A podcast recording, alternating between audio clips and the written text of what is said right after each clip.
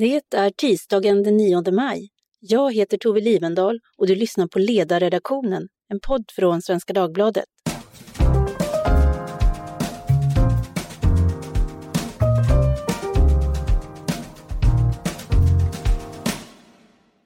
I fredags meddelade Världshälsoorganisationen WHO att covid-19 inte utgör ett globalt nödläge längre. Den akuta fasen av pandemin är därmed över. För de flesta svenskar skulle jag förmoda att vi redan tänker på pandemin i förfluten form. Så vad lärde vi oss under pandemin och har lärt oss sedan dess? Och hur utvärderar vi det som hände och det vi gjorde och effekten av det? Med mig för att samtala om de här frågorna har jag idag Tove Fall, professor i molekylär epidemiologi vid Uppsala universitet, Petter Brodin, barnläkare och professor i immunologi vid Karolinska institutet, Ulrika Winblad, professor i hälso och sjukvårdsforskning vid institutionen för folkhälso och vårdvetenskap vid Uppsala universitet. Varmt välkomna till podden! Först vill jag bara fråga, vad minns ni från den här tiden för tre år sedan, våren 2020? Hur, hur var livet då? Tove? Ja, det är ju en tid man sent glömmer. Det var ju otroligt intensivt med att försöka läsa på och förstå så mycket av vad som hände runt om i världen med den här smittan. Och samtidigt privat och eller liksom, ja, ens arbetsliv blev ju helt upp och ner med och jag fick jobba hemifrån samtidigt som vi hade hantverkare som bilade upp hela badrummet. Så att, eh, och sen plötsligt bli en central person i media. Så att det var en väldigt omvälvande tid på många sätt och också som man inte, man visste ju inte hur det skulle gå. Så att det var ju oro inför framtiden. Mm. Petter, hur var det för dig? Alltså jag jobbar ju som barnläkare på Astrid Lindgrens barnsjukhus då, förutom att jag forskade på barns immunsystem. Och jag kommer ihåg hur oroliga vi var över att barn skulle drabbas svårt vid själva infektionen. För vi visste ganska lite, även om första rapporterna från Kina talade om att barn inte blev så svårt sjuka, så vet vi att många andra infektioner i luftvägarna som influensa och RS-virus är jättebesvärliga för oss, även en vanlig vinter. Så vi var ju på riktigt oroliga över hur vi skulle klara av det här om det skulle komma in tusentals jättesjuka barn plötsligt eh, på kort tid. Så det kommer jag ihåg var jätte... Och vi ringde runt till kollegor runt om i världen som, som träffade de första patienterna och försökte förstå hur, hur det såg ut och sådär. Ulrika, hur var det för dig? Ja, nej, men det var ju väldigt turbulent och orolig tid. Just det att man inte visste vad som gällde, man visste inte hur allvarligt det var även om vi kanske ganska snabbt förstod allvaret i det här. Och, och, och personligen var jag väl framförallt främst orolig för äldreomsorgen. Eh, jag och kollegor har forskat mycket på den under lång period. Vi visste liksom att det fanns ganska stora strukturella problem redan innan pandemin. Och det blev ganska snabbt en kris inom just framförallt på äldreboendena. Eh, så det, det, var mycket kring det där vi liksom mobiliserades forskningen och la om projekten på olika sätt sen som universitetslärare så var det ju väldigt mycket med undervisningen. Plötsligt skulle man gå över till en digital undervisningsform. Det hade vi aldrig gjort. Det var ju otroligt mycket jobb med det på alla program. Och naturligtvis också så, som Tove nämnde, hemmet. Många av oss hade ju skolbarn hemma som ja, hemundervisning och liknande. Så det var ja, en väldigt speciell tid, måste jag säga. Det känns länge sedan, men det var väldigt, så att det var väldigt starka minnen från den här perioden. Jag tycker det är konstigt med tidsperspektivet, för det, det, det är avlägset. Det är som någonting som hände för någonstans, någon gång, men det är inte så himla lång tid sedan. Och vi har anpassat oss så fort åt båda håll. Eh, jag har funderat, nu sitter jag här med tre experter, men som lekman så blir jag eh, ibland provocerad när jag i den offentliga debatten hör uttalanden om att Sveriges coronastrategi var lyckad och dels så blev jag provocerad för att jag minns hur vi satt för tre år sedan och försökte förtvivlat hitta den offentliga strategin utan att lyckas. Jag, i, I min uppfattning så fanns det inte någon tydlig, eller åtminstone uttalad strategi. Och för det andra så tycker jag inte att det går att klumpa ihop allting till ett slutbetyg. Hej, jag Ryan Reynolds. Recently, I asked Mint Mobiles legal team if big wireless companies are allowed to raise prices due to inflation. They said yes. And then when I asked if raising prices technically violates those onerous two-year contracts, they said, what the f*** are you talking about, you insane Hollywood ass?" So to recap, we're cutting the price of Mint Unlimited from $30 a month to just $15 a month. Give it a try at mintmobile.com slash switch. $45 up front for three months plus taxes and fees. Promoting for new customers for limited time. Unlimited more than 40 gigabytes per month. Slows. Full terms at mintmobile.com. Jag tänker att det ena, det finns två frågor som blandas ihop och det ena är ju hur vi som samhälle hanterar den påfrestning som en pandemi innebar. Eh, och alltifrån ja, men, så här, graden av öppenhet och, och hur vi höll ihop och sådär. Och det andra är ju hur vi hanterade covid-19, hur mötte vi själva viruset? Och de hänger ihop, men jag tycker inte att det är samma sak. Så jag undrar hur ni ser på de här två perspektiven om hur Sverige dels hanterade pandemin och dels hanterade covid-19. Ulrika, ska du börja? Mm. Nej, men man kan se det två olika frågor, men samtidigt tycker jag nog att i mångt och mycket så hänger de ihop. Eh, som sagt, det här var ju, ja, om, om vi först pratar om det första, hur vi hanterade pandemin, så var det ju eh, väldigt mycket kritik internationellt sett. Det var ju oerhört mycket skrivet om hur Sverige stack ut. Och vi gjorde ju det i början också. Vi hade ju mildare, något mildare, eller mildare restriktioner än de flesta andra europeiska länder och framförallt en avsaknad av restriktioner. Rörelsefriheten begränsas till exempel inte. Man fick inte ja, man bestraffas inte finansiellt om man rörde sig utanför hemmet, exempel, sådana saker. Eh, sen rättades det till lite grann och det blev mer och mer hårda på den punkten. Eh, men sagt det här, jag tycker ändå att det här hur man hanterar viruset lokalt hänger ihop med hanteringen på den mer övergripande nivån. Exempelvis hur man lyckas testa och smittspåra försvåras ju mångt och mycket av vår, av vår eh, förvaltningsmodell och, det, och de det man så att säga bestämde på statlig och regional nivå här. Det kom ju väldigt lång tid i det svenska fallet innan man kom överens exempelvis om ersättning mellan staten och regionerna. Och det, här, det här gjorde ju, alltså det, det var, överenskommelsen var inte på plats förrän i juni 2020. Det var väldigt viktiga månader där allting liksom försköts. Eh, så där är någonting som gör det som forskare tycker att det är ett problem här med vår ja, egentligen förvaltningsmodellen och, flernivåstyrningen där den satte käppar i hjulet helt klart. Mm. För mig hänger de här perspektiven ihop. Vad säger du Tove? Jag håller med dig helt om det här att det är svårt att sätta ett helt betyg på Sveriges pandemihantering. Det togs ju tusentals beslut både lokalt och centralt och, eh, och så vidare. Så att det, jag har svårt att uttala mig om helheten så att säga. Den första tänker jag eh, handlar ju också mycket om ekonomi, hur vi stod till att stötta små företag och hushåll och så vidare. Och till exempel att man tog bort karantän karensdagen var ett sådant beslut som jag tyckte var jättebra. Eh, så, och där, vad jag förstår, jag, så, så klarar vi oss väl förhållandevis väl. Mm. Eh, vad gäller hur vi hanterar viruset så är jag också inne, precis som Ulrika, på den här första tiden eh, där jag tror att vi begick flera misstag eh, mm. och där vi hade haft väldigt mycket att vinna på att bromsa upp smittspridningen.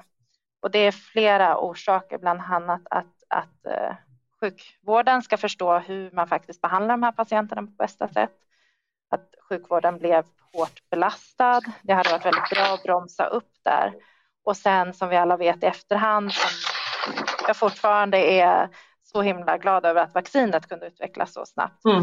Eh, men vi hade haft väldigt mycket att vinna på att bromsa upp det här smittspridningen och där mm. borde man ha lagt ner mer energi och vilja och, och kraft på att få till det här som Ulrika prata om är testa, spåra, isolera. Och, och det jag tror att inte bara förvaltningsmodellen, om vi tittar på det här med hushållskarantän, alltså att om man ska mm. gå till jobbet när ens eh, hade bekräftat smitta i familjen. Den eh, regeln kom ju inte till förrän i slutet av 2020, så jag tror inte det bara var själva liksom, ersättningsmodeller och så, utan kanske också en, en vilja eller en intention. Liksom, att man kanske inte hade som ambition att stoppa upp smittan.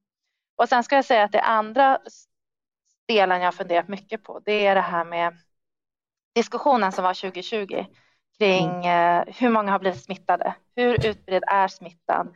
Är vi på väg mot flockimmunitet och så vidare? Här fanns det väldigt mycket gissningar och antaganden som gjordes utan att man hade så mycket data. Och det är klart att det är så i början när det är något helt nytt.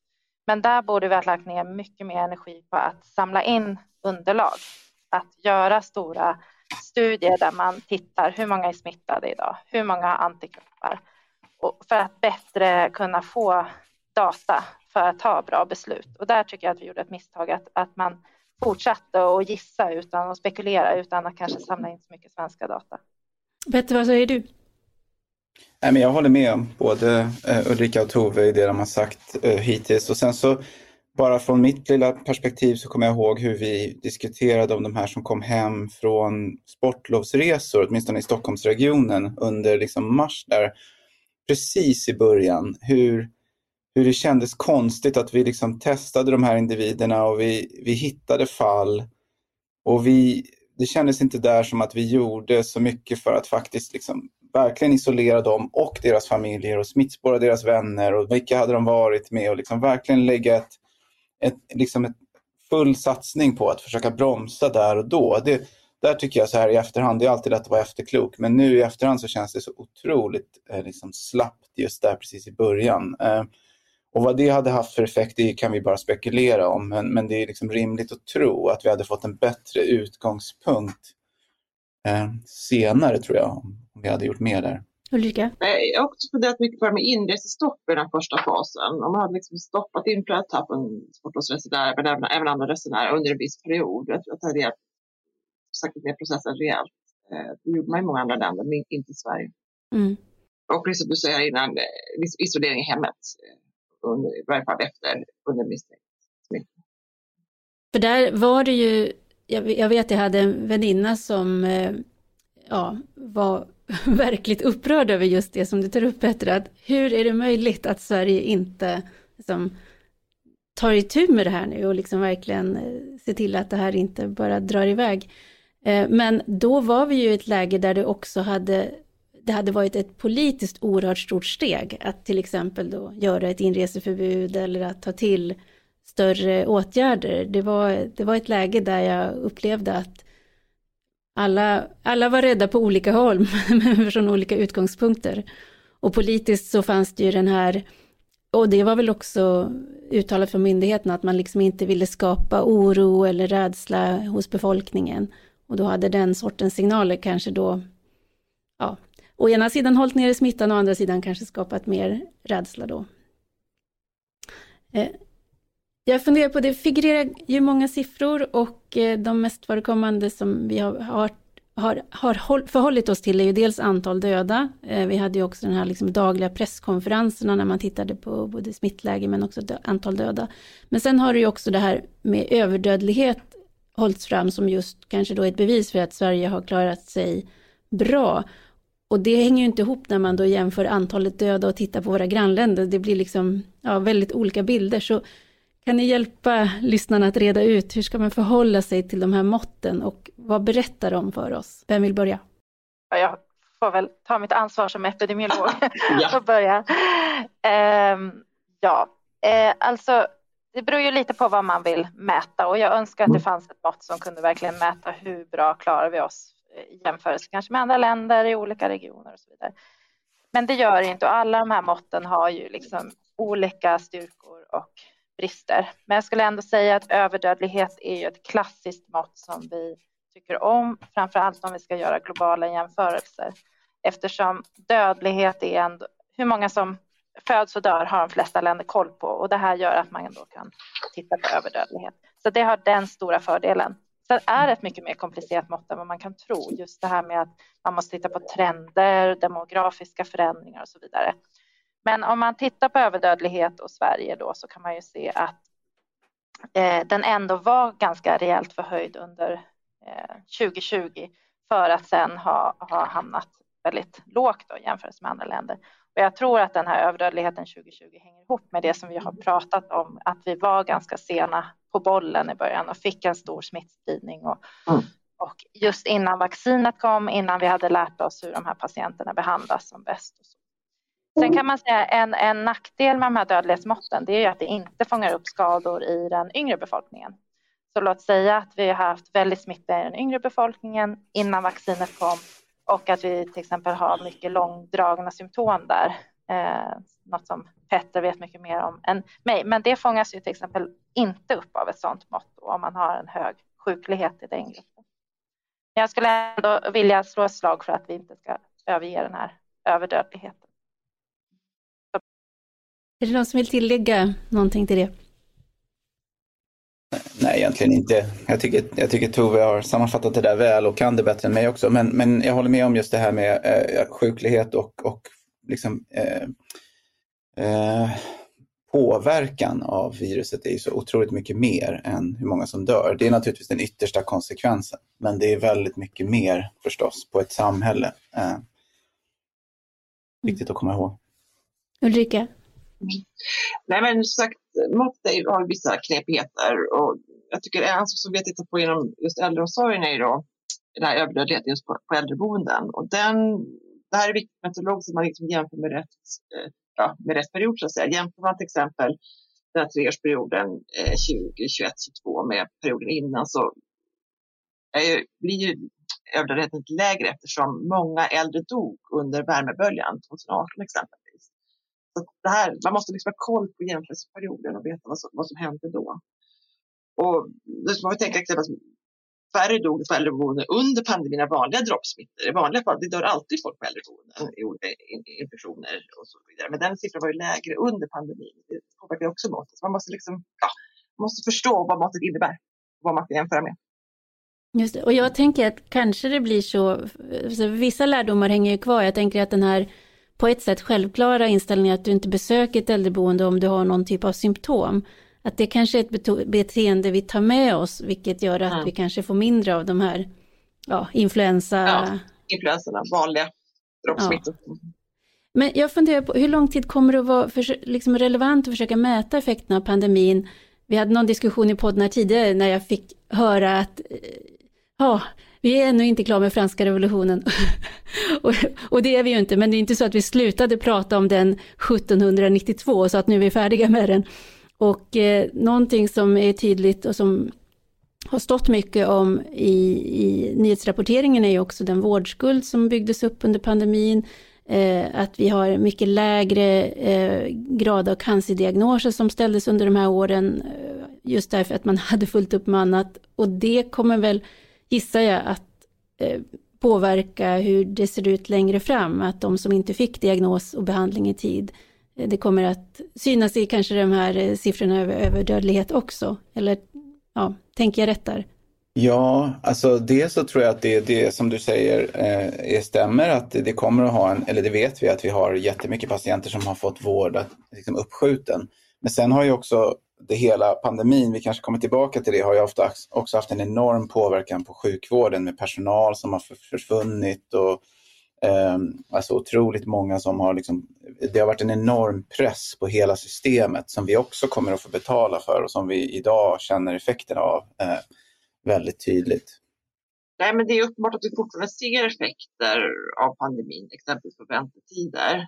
Däremot de här tendenserna, ja, detta tenderar att minska över tid naturligtvis. Jag tycker vi ska komma ihåg att många av de strukturella problem som vården dras med idag, till exempel för få vårdplatser eller kompetensbrist, brist personal, har vi ju sett även innan pandemin. Eh, det här är, man började dra vårdplatser redan i början av 90-talet så att säga och frågan om hyrpersonal och den typen av frågor var väldigt aktuell även innan pandemin. Så, och, ja, så det är inte bara pandemin som är orsak till det vi ser nu, så att det är ett fortgående trend som skulle funnits ändå. Sen är frågan om man pratar om överdödlighet. Alltså, om man tittar på väntetiderna. Många av de köer vi ser idag rör ju ingrepp som man kanske inte dör av, men som rejält sänker livskvaliteten, exempelvis längre köer inom ortopedin. Knäleder, höftleder, den typen av operationer. Eh, däremot cancervården, där är, kan man, där är mer kanske direkt livshotande i, i vissa fall. Så det här får man ju också en del av på prioriteringarna och vilken betydelse pandemin har haft. Det, det blir en fråga att återkomma till som man säger. Eh, Tove, Eh, när, du har ju besökt oss i podden flera gånger förut och eh, då eh, bland annat för att berätta om den, mycket av den forskning som startades under eh, pandemin om covid-19 och effekterna och bland annat det här tvärvetenskapliga projektet Crush Covid som du ledde. Eh, vilka skulle du säga är de viktigaste forskningsresultaten som hittills har gjorts om det här viruset? Nej, men jag måste säga att den här utvecklingen inom vaccinmetodik, med mRNA-vacciner. Det är helt fantastiskt och det är någonting som jag tror vi kommer kunna dra nytta med av för många olika eh, sjukdomar. Och också om det kommer en, en ny pandemi så att säga, att vi kan vara minst lika snabba på bollen. Eh, sen så innan behandling så var jag en stor eh, vändpunkt för intensivvården. Får vi se vad Petter tycker med, men det här med eh, kortikosteroidbehandling till exempel. Eh, förbättrade ju prognosen där. Men om man ska titta inom mitt eget fält inom epidemiologi då, vad, som, vad har vi lärt oss för nya nytt där? Eh, så ska jag säga att vi har ju lärt oss massor om hur man kan övervaka sjukdom, eh, smittspridning utan att faktiskt kanske behöva testa varenda eh, människa med symptom. Och där har det ju skällt till exempel otroliga framsteg inom avloppsvirusmätning.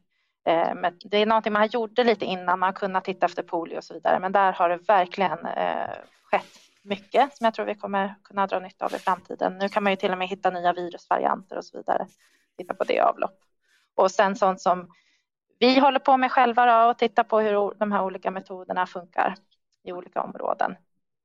Till exempel övervaka samtal till eh, sjukvårdsupplysningen, hur väl det kan förutsäga något om smittspridning. Och, det, och, då, då låter det, det blir liksom kunskaper som verkligen går att ja, använda för att förbättra motståndskraften i samhället överlag. Precis. Sen kan det, en del av de här metoderna är ju beroende på eh, vilket avtryck viruset gör så att säga eh, i, i samtal till sjukvårdsupplysning eller sökningar på internet eller, och så vidare.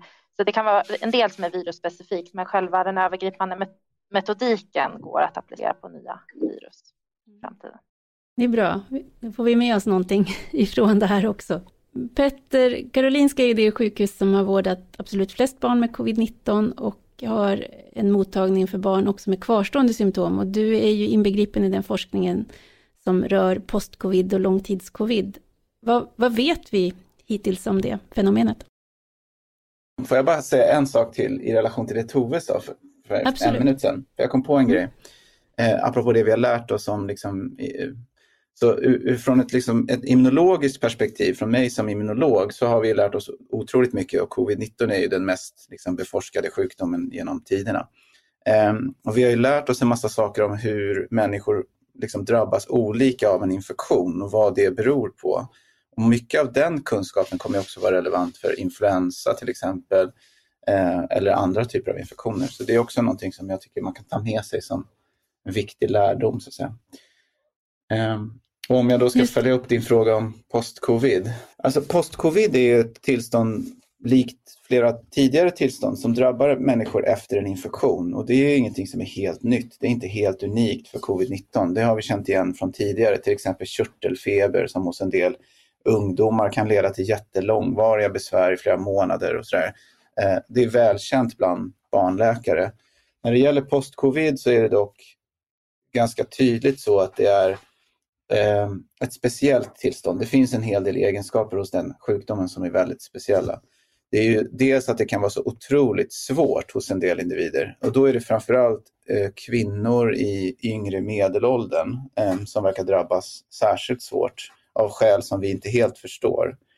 Och där sjukdomen verkar kunna fortsätta i flera år till och med eh, och till och med bli värre över tid, vilket är eh, slående och otroligt jobbigt.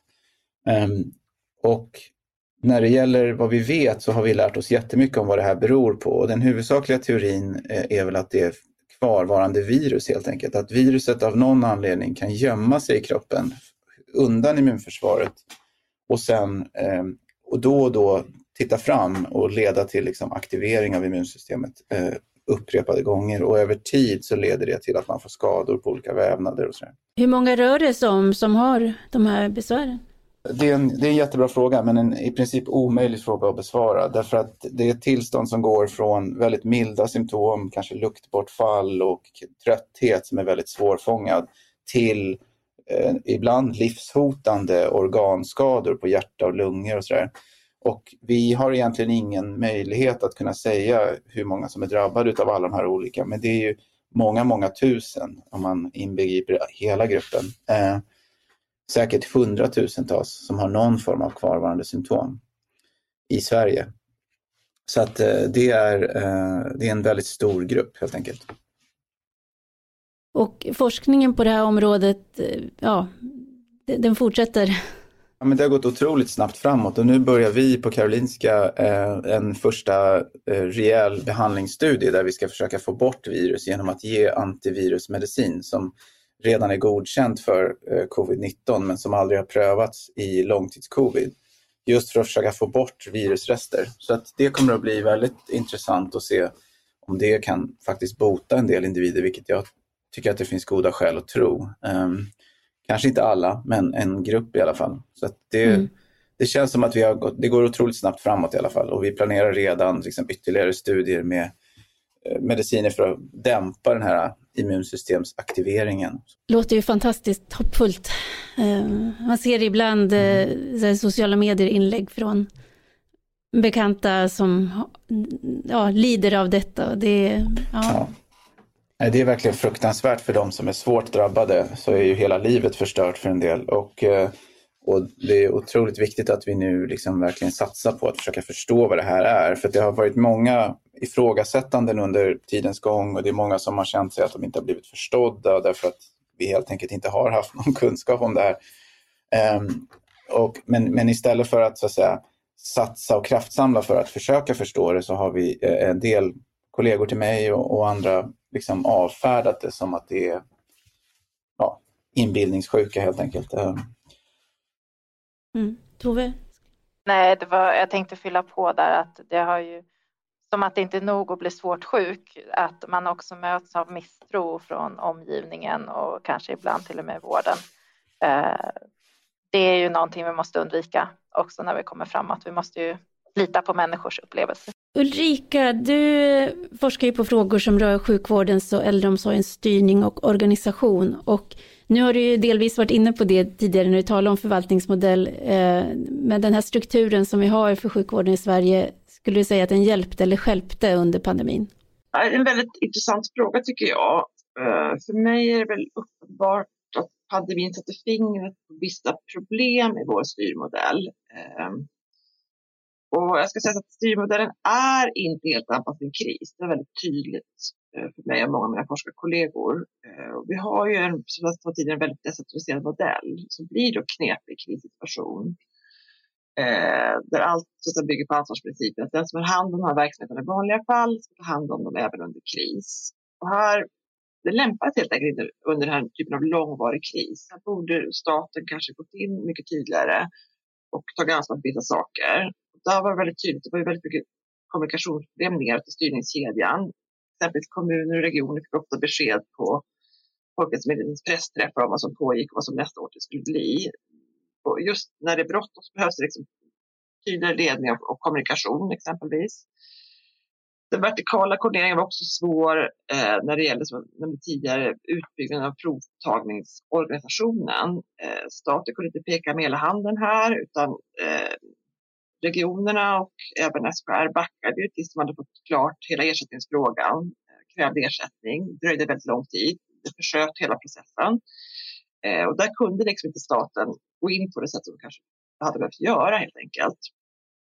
Visst är det också koppling tycker jag mellan expertstyret och politikerstyret där, där regeringen, i varje fall den första fasen av, av, av krisen, första vågen, eh, helt enkelt inte höll i, i, i taktpinnen. Utan det var ju Folkhälsomyndigheten fick en, en väldigt stark roll och de fick ju också väldigt stark roll under hela pandemin. Och där kan man ju diskutera, precis som Coronakommissionen gör, om det inte är mer lämpligt i kris att man lyssnar på flera röster, att man får en mycket bredare, eh, ja, alltså en bredare bevakning av frågorna genom att flera expertmyndigheter och experter ingår eh, på det sättet. Eh, andra upplevelser i Kina handlar om att lagstiftning faktiskt krockar det, på många olika sätt. Exempelvis skulle vi säga att smittskyddsläkare kunde inte beordra isolering och kortvård på äldreboenden exempelvis. Eh, äldreboenden räknas inte som en sjukvårdsersättning utan det handlar om en, om en egen bostad. Och socialtjänstlagen inte minst tillåter inte prioriteringar i kris. Eh, man, alla personer som är beviljade inte ska få den. Inom sjukvården tillåter hälso och sjukvårdslagen att man kan prioritera. Det var de svårast sjuka först och det här ställer till en hel del problem. Så här behöver man liksom gå in och göra en del lagförändringar. Så, ja.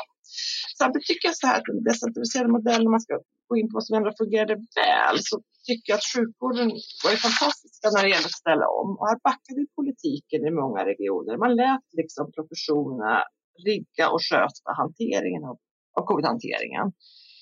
Eh, och där visar sjukvården enastående förmåga på att mobilisera. Eh, inte minst utbyggnaden av nya intensivvårdsplatser i hela landet är ett exempel på det här. Jag tror att man ökade, man fördubblade mängden intensivvårdsplatser från ungefär 500 till över 1000 stycken i landet. Det är fantastiskt. Man omvandlade ju vårdavdelningar till intensivvårdsavdelningar. Man införde olika övertids och krislägesavtal och man flyttade deras av vårdpersonal mellan, mellan inom sjukhusen lite, mycket mindre egentligen mellan regionerna. Där så hade, man flyttade på patienter, väldigt sjuka patienter. Man flyttade inte så mycket på personal, även om det förekom. Eh, så där är det någonting som också måste ge plus för att det här är ju så att säga den decentraliserade modellen som tillåter det. Eh, och det. Och det är positivt. Samtidigt då vet vi att regionerna har väldigt mycket att jobba med framöver när det gäller, man har ju delvis misskött lagerhållningen och man har inga centrala lager, det har inte haft det på länge. Eh, och man behöver jobba med pandemiplaner och liknande på ett annat sätt än man har gjort. Ja, så där, där eh, ja, det är exempel tycker jag på mm. plus och minus. Jag satt ju och rotade i eh, som offentliga arkiven och, och hittade ju där liksom, planer och att man hade tränat pandemiscenarier. Och, så på ett sätt så, så fanns det liksom på pappret så hade vi beredskap men sen visade det sig att i, i praktiken så var det ju inte så. Så där blir ju en fråga hur man, och i ett sånt läge där det blir uppenbart då är det ju ändå, tänker jag, regeringen som har högsta ansvar för vad som händer. Man ska leda landet i kris och där hade det väl varit möjligt att ja, åberopa ett krisläge. Verkligen, man kan också fundera över vad regeringskansliet är, hur man organiserar sin verksamhet. Det lyfte även Coronakommissionen fram. Även där så råder en ansvarsprincip att eh, det är departementet som har hand om frågorna. Och I fråga om att det skulle skapa någon slags övergripande krisorganisation just då, som, som jobbar mycket med centralt även på regeringskansliet. Just det. Vi, ska, vi kan gå in på Coronakommissionen, därför att det, den var ju ett ganska rejält arbete eh, och eh, sen så kom det ryska invasionskriget som på något sätt eh, skapade en, en medieskugga kring, kring den slutbetänkanden som kom. Men utifrån era respektive verksamhetsområden, vad tycker ni var det viktigaste som kom fram i kommissionens arbete? Det är massor med saker. Eh, där tycker jag, på övergripande nivå så tycker jag att vikten av att inrätta en speciell krisorganisation eh, och också titta över att införa en försiktighetsprincip eller en handlingsprincip som man talar om är väldigt intressant. Eh, ansvarsprincipen har ett stort värde i, i normaltid, men, men, här måste man kanske som i de andra nordiska länderna eh, våga agera när man inte har tydlig evidens. Det var det man inte alltid gjorde, utan här väntade man in evidensen och beprövade erfarenheten. Och då tog det för lång tid, framförallt i början av pandemin. Och här kanske man behöver då, enligt försiktighetsprincipen så ska man våga agera utan att man har helt på fötterna när det gäller evidens. Och det tycker jag, det här ska man verkligen behöva diskutera mer. Om inte det är så vi ska agera i, under mer långvariga kriser som, som pandemin var. Sen rent, jag personligen tycker naturligtvis att det första delbetänkandet kring äldreomsorgen var oerhört klargörande. Eh, och jag hoppades kanske att vi skulle få lite mer eh, gehör än det fick. Eh, men det var väldigt tydligt, de pekade väldigt tydligt på de strukturella problem som funnits länge inom äldreomsorgen och som i mångt och mycket var orsak till den stora dödligheten. Även om man naturligtvis lyfte fram att det var den allmänna smittspridningen som var den främsta orsaken till att dödligheten var så hög på vissa äldreboenden. Men där pratar de bland annat om problemen med huvudmannaskap och problemen att samverka mellan kommuner och regioner. Man talar om lagstiftning som krockar och svårigheten att bedriva kortvård och så vidare. Och det och att, naturligtvis också att den medicinska kompetensen är för låg idag på våra, inom äldreomsorgen. Vi bör jobba mycket, mycket mer med det. Eh, en sån sorts hygienföreskrifter som bör vara ett levande verktyg i det dagliga Jag håller med helt och hållet i det Ulrika säger och jag möter det där problemet med koordination varje dag i mitt arbete som eh, läkare på, inom sjukvården därför att det handlar inte bara om äldreomsorgen, det handlar om alla möjliga olika eh, samverkansproblem mellan patienter och deras familjer och det kan vara socialtjänst, det kan vara försäkringskassa, det kan vara skola och så vidare. Eh, så det tror jag är ett generellt problem som vi behöver bli bättre på. Det kan handla om att dela uppgifter, det kan handla om samordning på olika sätt och så vidare. Lagstiftning kanske i vissa fall. Ehm, så där tror jag vi har en, en strukturell svaghet i någon mening ehm, som skulle behöva åtgärdas. Sen det här med krisberedskap och lagerföring kan gälla allt från skyddsutrustning till läkemedel. någonting som jag också stötte på väldigt tydligt hur vi saknade liksom de mest grundläggande saker plötsligt när vi hade svårt att få hem dem eller när vi inte kunde beställa dem som vanligt så att säga så hade vi inte liksom vanliga mediciner och så vidare. Det var jätteproblematiskt och många kollegor till mig som fick jobba med liksom dålig skyddsutrustning under vissa perioder i början och sådär. Eh, så det är sådana sårbarheter som vi har.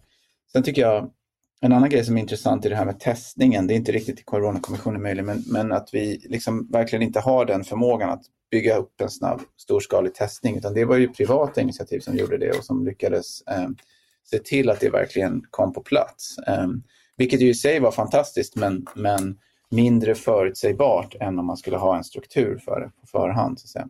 Tove? Ja, men först övergripande kommentar så tycker jag att den är otroligt eh, liksom, välgjord och heltäckande och ett otroligt viktigt dokument för framtiden att eh, ja, titta igenom alla de här delarna.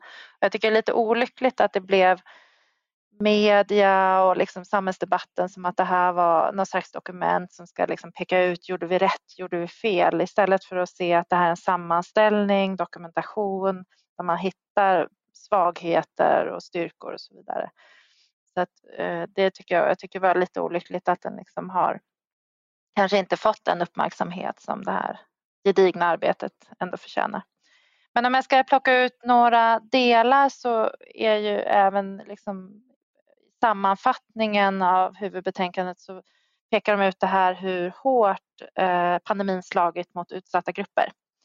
Så att grupper som redan har det svårt har liksom drabbats oproportionerligt hårt eh, och områden där man har många eh, som måste gå till jobbet, inte kunde jobba hemifrån, där man har mycket riskfaktorer för svår sjukdom och så vidare.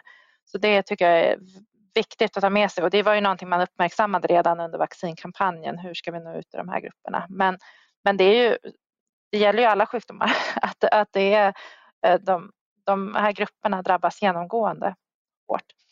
Så det tycker jag är, var viktigt att de lyfte upp. Och sen när vi kommer tillbaka till testningen där så finns det en, en, en underlagsrapport som visa att de regioner som eh, fick till testningen bäst, där man testade och smittspårade som mest, de hade faktiskt färre på sjukhus och färre som dog i covid.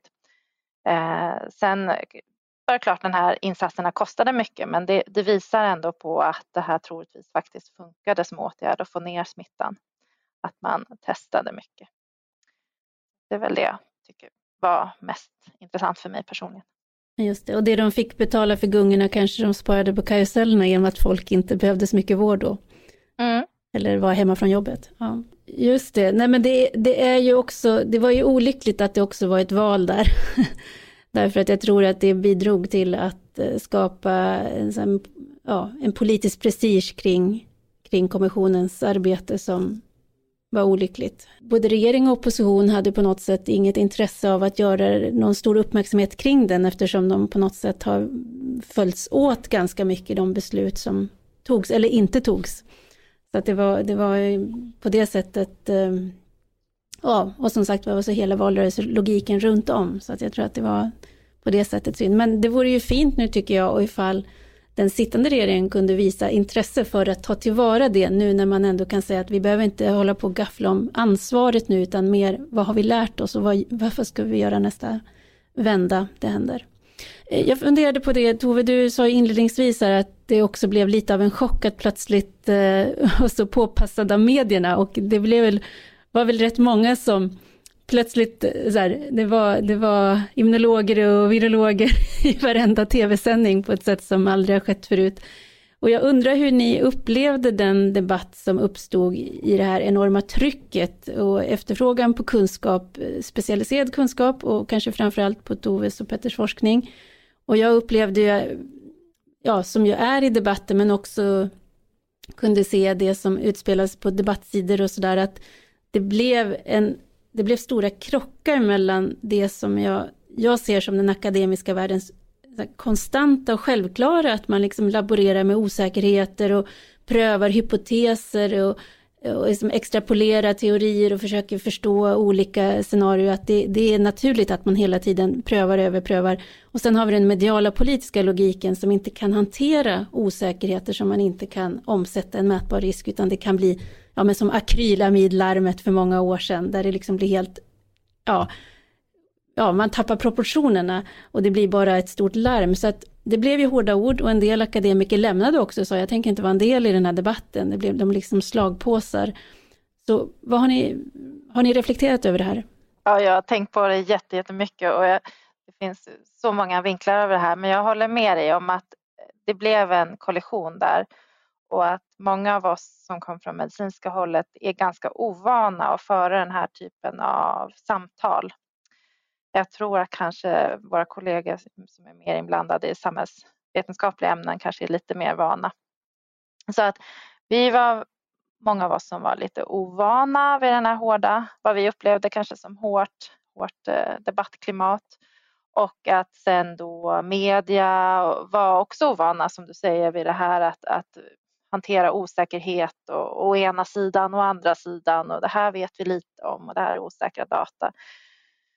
Så, och det var ju otrolig utmaning att när man är van att få lägga ut texten i kanske fem minuter när man ska svara på en fråga så kanske man fick 20 sekunder och då, då faller den här komplexiteten som, som finns där bort. Och det blir en otrolig stress för mig som forskare att inte få kommunicera den osäkerheten. Um, så att ja, nej, det, jag tror att det var många som tyckte det var tufft. Och sen tyckte jag det var jättetufft att det blev sån liksom, politisering över det hela. Man skulle inte heller skapa oro, fick jag höra, och även från liksom kollegor att, att vi det, nu, nu ska liksom, nu myndigheterna som bestämmer, vi ska inte ifrågasätta. Och det tyckte jag liksom, det var ju mot mina liksom, demokratiska rättigheter. Att vi måste ju få diskutera ett öppet samhälle. Och det är ju själva debatten som gör att vi kommer framåt. Man får slipa sina argument och, och undersöka och, och så vidare. Så jag tycker, nej, det, det, jag känner mig liksom lite så dålig känsla när jag tänker på, på hur debatten gick under den här perioden. Mm. Ulrika?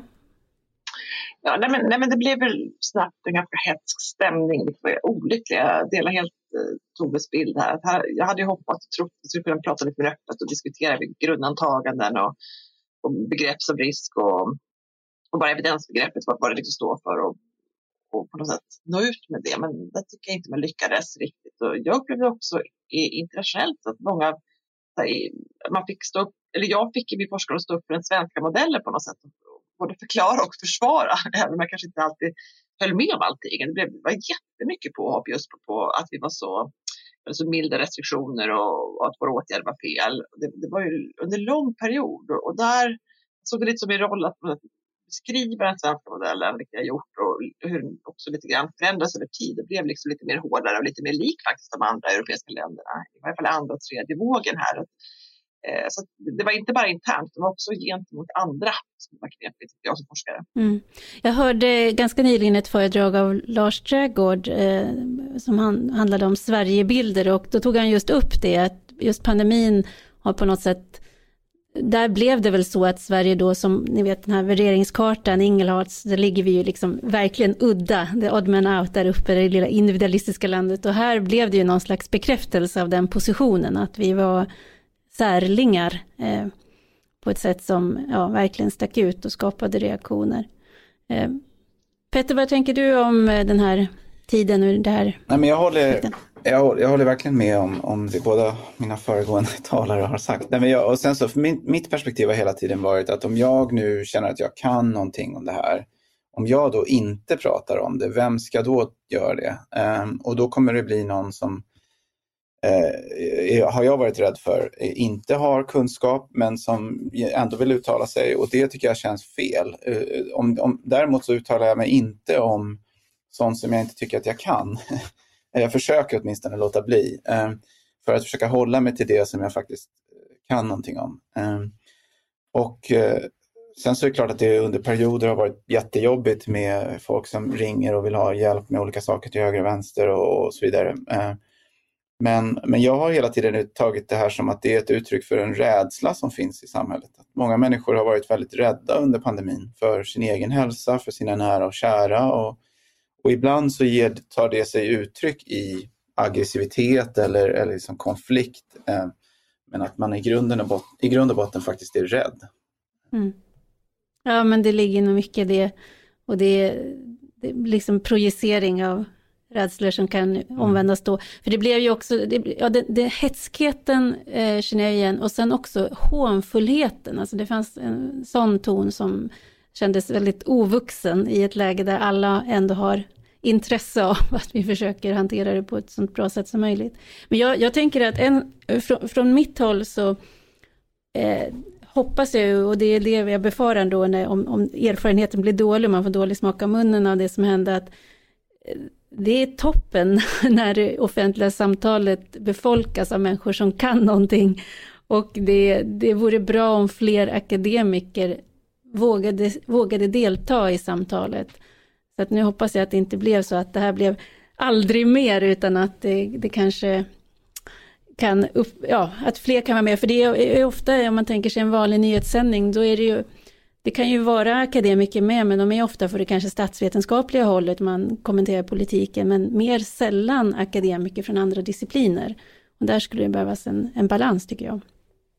Att, eh, jag tycker det är viktigt också att vi som akademiker också inser att det här är en del av vår uppgift. Eh, det kallas ju för den tredje uppgiften, att faktiskt förmedla den kunskap man har. Eh, det tycker jag är viktigt och jag tror att eh, fler, eller jag hoppas att fler eh, kommer att liksom vilja ta den rollen. För att, eh, så sen vill jag bara säga också att jag har känt ett väldigt stort stöd genom mina internationella samarbeten därför att jag har under hela pandemin haft veckoliga liksom, möten med kollegor över hela världen och, och, alla upplever ju samma sak. Alla upp, även om man hanterar pandemin olika i olika länder så är ju oron och funderingarna och ifrågasättandet exakt samma överallt i någon mening. Så att man får väldigt mycket stöd av, av, av varann. Um, mm. Det är viktigt. Nu är det ett drygt år sedan, den 1 april 2022 eh, var ju datumet då vi inte längre klassade covid-19 som en allmänfarlig och samhällsfarlig sjukdom. Hur ser det ut idag, undrar jag, när det gäller immuniteten hos befolkningen, vaccinationsgraden och dödligheten från det här viruset? Tove? Mm. Vi vet ju inte riktigt för att det görs inte längre jag ser att den senaste undersökningen för Folkhälsomyndigheten gjordes i september 2022.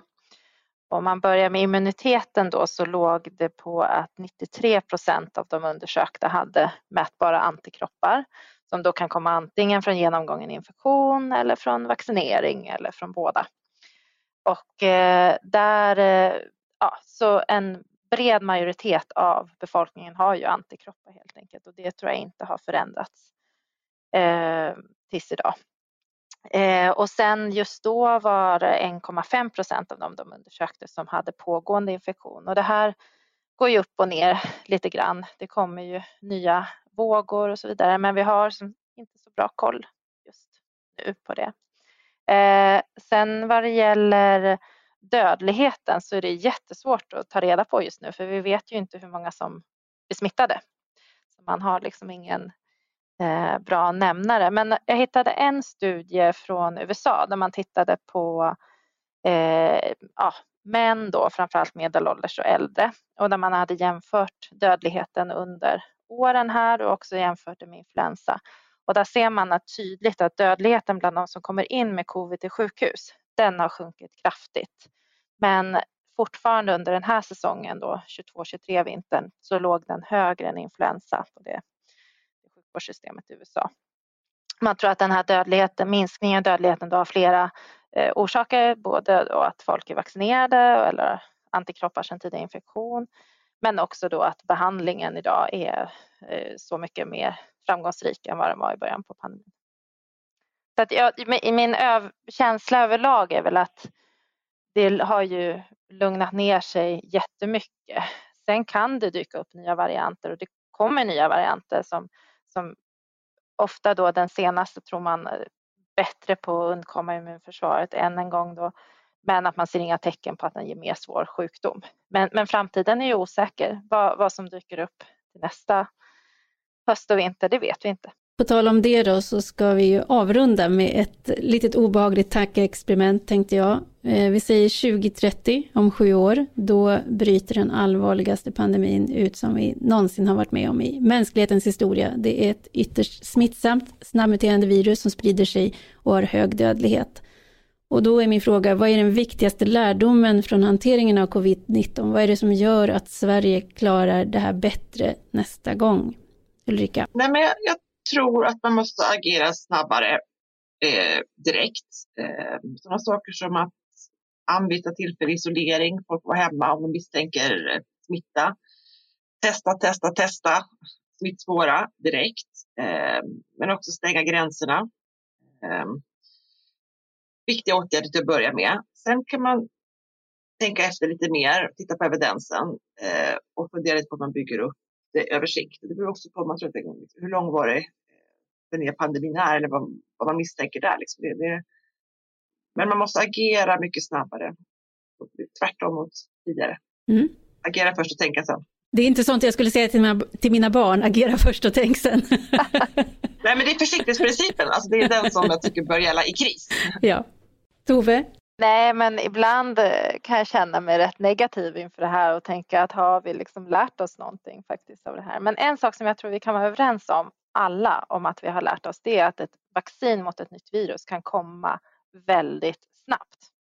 Och det tror jag är en väldigt viktig insikt, för har man det tänk, tänket att det kanske finns ett vaccin på plats om ett år, då, då har man ju det årets perspektiv, inte liksom fem år framåt och då sätter det ju de här insatserna i en annan perspektiv så att säga. Så det tror jag att vi kan vara överens om att vi har lärt oss.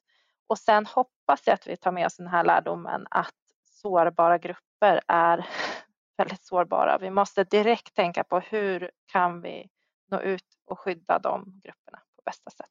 Petter? Jag tänker ganska mycket i likhet med den diskussionen som pågår om att vi behöver bygga upp vårt civilförsvar för andra typer av kriser eh, Eh, så tänker jag att vi behöver även tänka likadant här och att många av de strukturer som gör att vi är robusta och står emot en prövning gäller även för pandemin. Det kan handla om att investera i sjukvårdsinrättningar, eh, personal, bättre testförmåga och sådana saker eh, för att liksom bygga samhällets försvar även vid en pandemi framöver. Mycket bra. Det här, nu tycker jag vi har hunnit igenom ganska mycket. Vi är, på något sätt så är det ju så att ni har ju påtalat att en hel del av de saker som hände under pandemin, det var att det accentuerade eller belyste redan kända strukturella svagheter i Sverige. Eh, och eh, nästa gång så är en rekommendation att agera mer direkt än nu. Eh, att vara medveten om sårbara grupper, men också kanske ha bättre robusta strukturer på plats och också får man väl säga då att en rekommendation till regeringen är att använda kommissionens arbete, coronakommissionens arbete och följa upp de rekommendationer som de gav och se. Och där tycker jag liksom, det är, det är väl någonting som man ändå kan kräva att de gör innan nästa val. Att, eh, ska man inte följa rekommendationerna, då ska man ha väldigt bra svar på varför man inte väljer att göra det. För att det är ändå det arbete som vi har satt tilltro till att på något sätt se helheten. Vi får väl se om vi kan ses i det här sammanhanget längre fram när vi har lärt oss ännu mer. Jag tycker jag har fått med mig väldigt mycket idag. Så stort tack Tove Fall, Petter Brodin och Ulrika Wimblad för att ni ville medverka i podden idag. Tack så mycket. Tack så mycket. Tack så mycket.